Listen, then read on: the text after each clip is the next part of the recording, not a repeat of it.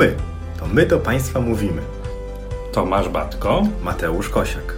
My jesteśmy lekarzami, twórcami portalu eduson.pl I postanowiliśmy trochę urozmaicić portal eduson.pl i zamieścić na nim podcasty.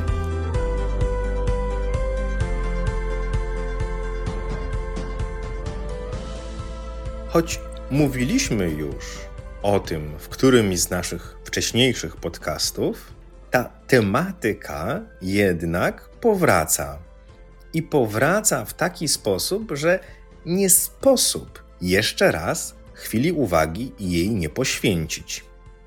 Mam wielokrotnie wrażenie, kiedy na ten temat rozmawiamy, czy to z naszymi kursantami, czy ze sobą nawzajem, że temat, o którym chcemy mówić, czyli temat opisywania badań USG, jest tematem rzeką, tematem, który nigdy nie ulegnie pełnemu wyczerpaniu, dlatego też, bo każdy z nas ma nieco inną wizję, jak ten wynik powinien wyglądać. A dla wielu osób, którzy zaczynają swoją przygodę z ultrasonografią, w pewnym momencie okazuje się, że zbadać pacjenta jest dużo prościej niż go potem opisać.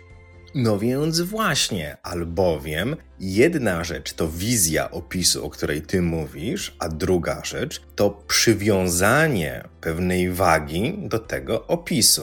No bo wiesz, jak tam nie ma nic w brzuchu, to, to napisz, że wszystkie narządy w porządku. No nic tam nie znalazłeś, to napisz, że jest ok.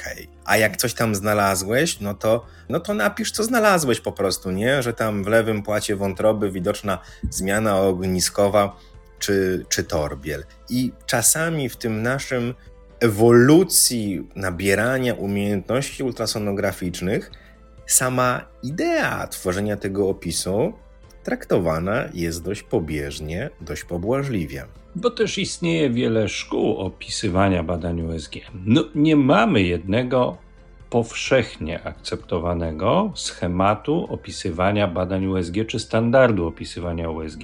Mamy kilka szkół. Tą, która teoretycznie nas wszystkich mogłaby obowiązywać, to jest szkoła zaproponowana przez Polskie Towarzystwo Ultrasonograficzne, szkoła związana ze standardami badań USG i opisywania tychże badań USG, którą Polskie Towarzystwo Ultrasonograficzne nam proponuje. Ale ciągle również w polskim prawodawstwie jest to tylko propozycja. Dobra rzecz, doskonała w wielu miejscach rzecz, która teoretycznie porządkuje opisy badań USG, ale w praktyce nie jesteśmy do tego jednoznacznie zobowiązani, żeby z tych standardów korzystać. Ba, jest spora grupa lekarzy, którzy nawet tych standardów nie znają, bo parają się takimi specjalizacjami, które per se uczą nas ultrasonografii, co sprawia, że nie zaglądamy do standardów innych towarzystw naukowych niż nasza własna specjalizacja. A ten standard opisywania badań ultrasonograficznych, czemu on ma służyć? To ma być co, że ktoś się wymądrza, używa mądrych słów, echogeniczność, echostruktura? Nie. Tak na to nie powinniśmy patrzeć. Generalnie ten standard ma uporządkować przede wszystkim zakres badania. Na takiej zasadzie, że to, co jest objęte zakresem badania ultrasonograficznego narządów jamy brzusznej zostało zbadane, że to, co zostało objęte zakresem badania ultrasonograficznego tarczycy, zostało zbadane. I nawet jeżeli ktoś nie jest entuzjastą tych standardów, nawet jeżeli komuś te standardy się nie podobają, to jeżeli badanie zatytułowane jest USG tarczycy, to badamy tarczycę oraz badamy węzły chłonne. Ale nie można mieć pretensji do lekarza, że nie wykrył małego guza mieszanego w górnym biegunie lewej ślinianki przyusznej, wszak było to badanie tarczycy, a nie badanie szyi. Podobna sytuacja ma miejsce, jak badamy jamę brzuszną. Badamy narządy jamy brzusznej. Nie oczekujmy, czy pamiętajmy, że tłuszczak położony w powłokach brzucha nie jest narządem jamy brzusznej, jest to osobne badanie. Także spójrzmy na ten standard w pewien sposób, że jest to coś, co porządkuje zakres badania. Bo tu się kłócą dwa światy znowu. Świat dobrej praktyki lekarskiej, o której wielokrotnie mówimy. polegającej na tym, że wtedy, kiedy badamy naszego pacjenta, zbieramy wywiad, uzyskujemy nowe informacje w czasie badania, mimo że skierowanie, które dostaliśmy na wykonanie badania USG, obejmuje jeden region ludzkiego ciała, a my wiemy już, że poważny problem istnieje tuż obok tego regionu, na przykład pachwiny, na przykład jądra, na przykład płuca u naszego pacjenta, to dobrą praktyką jest to badanie poszerzyć o te okolice. Ale zgodnie ze standardem nie jesteśmy do tego zobligowani. I tu ten świat wiąże się z tym, o czym mówisz, że nie możemy oczekiwać od siebie nawzajem, że ktoś, kto dostał skierowanie na USG jamy brzusznej, wykona jednocześnie skierowanie wszystkich innych regionów ludzkiego ciała, bo nie jest to celem takiego badania. Natomiast opisując badanie ultrasonograficzne, ten pewien uporządkowany schemat opisu, pewna dobra praktyka, która jest związana z dobrym językiem ultrasonograficznym, z prawidłowo wyciągniętymi wnioskami, i z wykonanymi pomiarami tam, gdzie one być powinny, sprawia, że to badanie jest badaniem wartościowym często wiele, wiele, wiele lat po jego wykonaniu, bo wiele historii naszych pacjentów wymaga tego, żeby spojrzeć we wsteczne badania obrazowe i tylko dobrze wykonany opis takiego badania będzie wartością dodaną do dalszej diagnostyki naszego pacjenta. Taki opis badania zgodny ze standardem dla młodych adeptów ultrasonografii jest też bardzo ładną checklistą.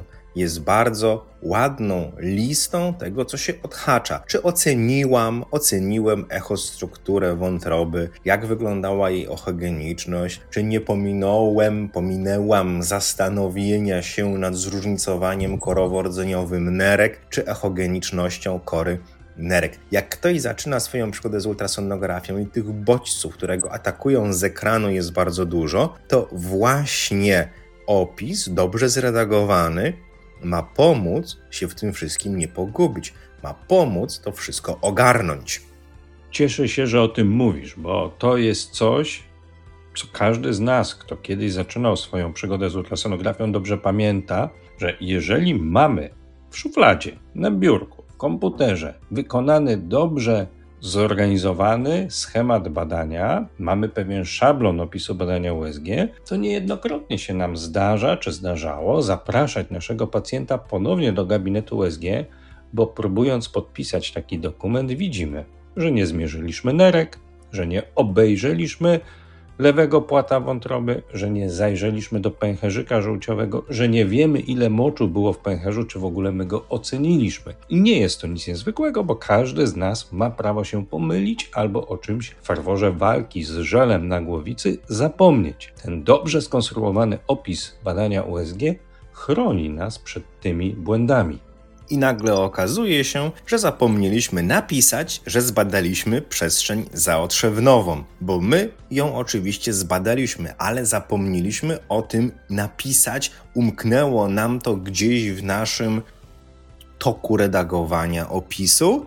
No i świadczy na papierze to na naszą niekorzyść, mimo że my to zrobiliśmy. Także pamiętajmy też, żeby ten trzon naszego badania, ten edytowalny element tworzenia opisu ultrasonograficznego odzwierciedlał to, co my tak naprawdę badamy. Z jednej strony może być taka sytuacja, że wymarzy nam się coś, co tak naprawdę zbadaliśmy i będzie to świadczyło na naszą niekorzyść. Z drugiej strony ktoś może powiedzieć, ale słuchaj, im krótszy opis, tym lepszy. Jest mniejsza szansa popełnienia błędów, nieporozumień, ewentualnych zamieszania wody, która jest wodą stosunkowo spokojną. Jest w tym nieco prawdy. No, ja wraz z moim doświadczeniem, które nabieram w swoim lekarskim życiu, też dochodzę do pewnych wniosków, które mogą być zbliżone do tego zdania, które przed chwilą opowiedziałeś, że im prostszy opis, tym być może on jest bardziej sensowny, ale pod kilkoma warunkami. Po pierwsze, im mniej jesteśmy doświadczeni ultrasonograficznie, tym lepiej, żeby ten opis był nieco bogatszy, zawierał więcej szczegółów, więcej elementów, bo one będą chroniły nas, wykonujących badanie jeszcze czasem w sposób mniej doświadczony, żeby nie pominąć pewnych istotnych elementów naszego badania. Punkt drugi. Wtedy, kiedy nabieramy nieco więcej doświadczenia, pewne szczegóły w opisie badania USG potrafimy skrzętnie ukrywać po to, żeby wytłuszczyć, wyodrębnić z tekstu w wyniku badania USG rzeczywiście istotne dla dalszych losów naszego pacjenta treści. To też jest olbrzymia sztuka w taki sposób stworzyć opis badania USG, żeby umieć wartościować to, co widzimy w badaniu USG, co z punktu widzenia losów naszego pacjenta wymaga natychmiastowego działania, co jest mniej istotne, co wymaga okresowych badań kontrolnych, a co możemy de facto pominąć i potraktować jak fragment zdrowego, w cudzysłowie nieco innego, zmienionego narządu. I wcale to takie łatwe nie jest, bo na to wszystko, o czym ty powiedziałeś, nakłada się jeszcze przyczyna wykonywania tego badania. To, z jakiego powodu pacjent do nas przyszedł, albo to, z jakiego powodu został skierowany. I wcale ten pierwotny niepokój pacjenta czy lekarza nie jest tym, co jest dla pacjenta największym zagrożeniem. U pacjentów dorosłych klasycznym przykładem są dolegliwości bólowe prawego podżebrza, gdzie szukamy kamicy pęcherzyka żółciowego, kamiczego zapalenia pęcherzyka żółciowego, a znajdujemy nie dający żadnych objawów guz, rak jasnokomórkowy nerki lewej. U pacjentów pediatrycznych natomiast pomiary wykonane podczas badania USG, zwłaszcza niektórych narządów, jak śledziona, wątroba, czasem i nerki, mają nieco większą wartość i nieco większe znaczenie niż u pacjentów dorosłych, gdzie często, zwłaszcza badania USG wykonywane przez radiologów, pomija mierzenie tych narządów wtedy, kiedy są zdrowe, prawidłowe, kiedy nie skupia się na nich nasza uwaga. To są pewne niuanse, o których chcemy w kilku najbliższych podcastach Państwu opowiedzieć. Będziemy chcieli podzielić się naszym doświadczeniem opisywania badań USG, będziemy chcieli nieco opowiedzieć o standardach wykonywania badań USG i opisywania tych badań USG w propozycji m.in. Polskiego Towarzystwa Ultrasonograficznego. Będziemy chcieli też zajrzeć do pewnych wytycznych, na przykład wytycznych Polskiego Towarzystwa Endokrynologicznego odnośnie zmian ogniskowych w tarczycy, bo one bardzo ładnie porządkują nam sposób opisywania badania USG u pacjentów ze zmianami ogniskowymi, po to, abyśmy wspólnie wypracowali pewien logiczny, uporządkowany język i abyśmy wspólnie zaczęli wypracowywać pewną dobrą jakość, dobrą markę opisu badania USG, które będzie spójne, logiczne i czytelne dla lekarza, który bierze ten opis do ręki. A przy okazji opowiemy jeszcze, jak to jest zorganizowane i jak się opisuje badania ultrasonograficzne w Europie. Niniejszym otwieramy nowy cykl, w którym dzielimy się z Państwem naszymi doświadczeniami, błędami, spostrzeżeniami dotyczących redagowania opisów badań ultrasonograficznych. Tak swoją drogą myślę, że będzie ten cykl dobrym uzupełnieniem naszego kursu, który zaczynamy już na najbliższy wtorek. Kursu dotyczącego jamy brzusznej.